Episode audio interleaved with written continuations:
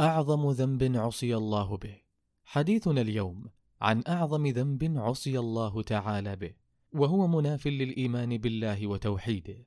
ألا وهو الشرك بالله تعالى. كما قال تعالى إن الشرك لظلم عظيم. وعن عبد الله بن مسعود رضي الله عنه قال سألت النبي صلى الله عليه وسلم أي الذنب أعظم عند الله؟ قال أن تجعل لله ندا وهو خلقك. متفق عليه. والند يعني الشريك. والشرك نوعان شرك أكبر وشرك أصغر.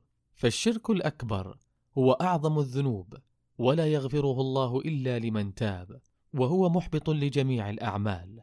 ومن مات عليه فهو خالد مخلد في النار والعياذ بالله.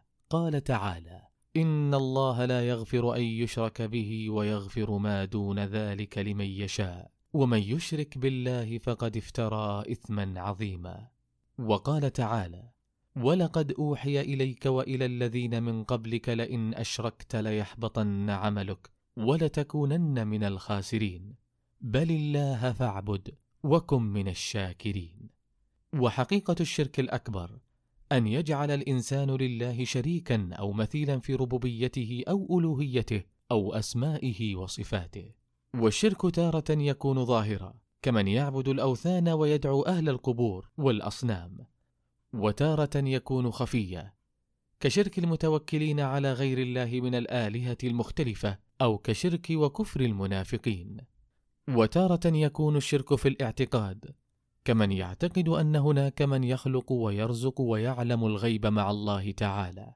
أو يعتقد جواز صرف العبادة لغير الله أو يعتقد أن هناك من يطاع طاعة مطلقة مع الله أو أن يحب مخلوقا محبة تأله كما يحب الله عز وجل. وتارة يكون في الأقوال كالدعاء والاستعاذة والاستغاثة بالأموات والغائبين. وتارة يكون في الأفعال كمن يذبح أو يصلي أو يسجد لغير الله. قال تعالى قل ان صلاتي ونسكي ومحياي ومماتي لله رب العالمين. لا شريك له وبذلك امرت وأنا اول المسلمين. وقال الله من الشرك ظاهره وخفيه. نكتفي بهذا القدر. وفي اللقاء القادم نكمل الحديث بمشيئه الله عن النوع الثاني وهو الشرك الاصغر.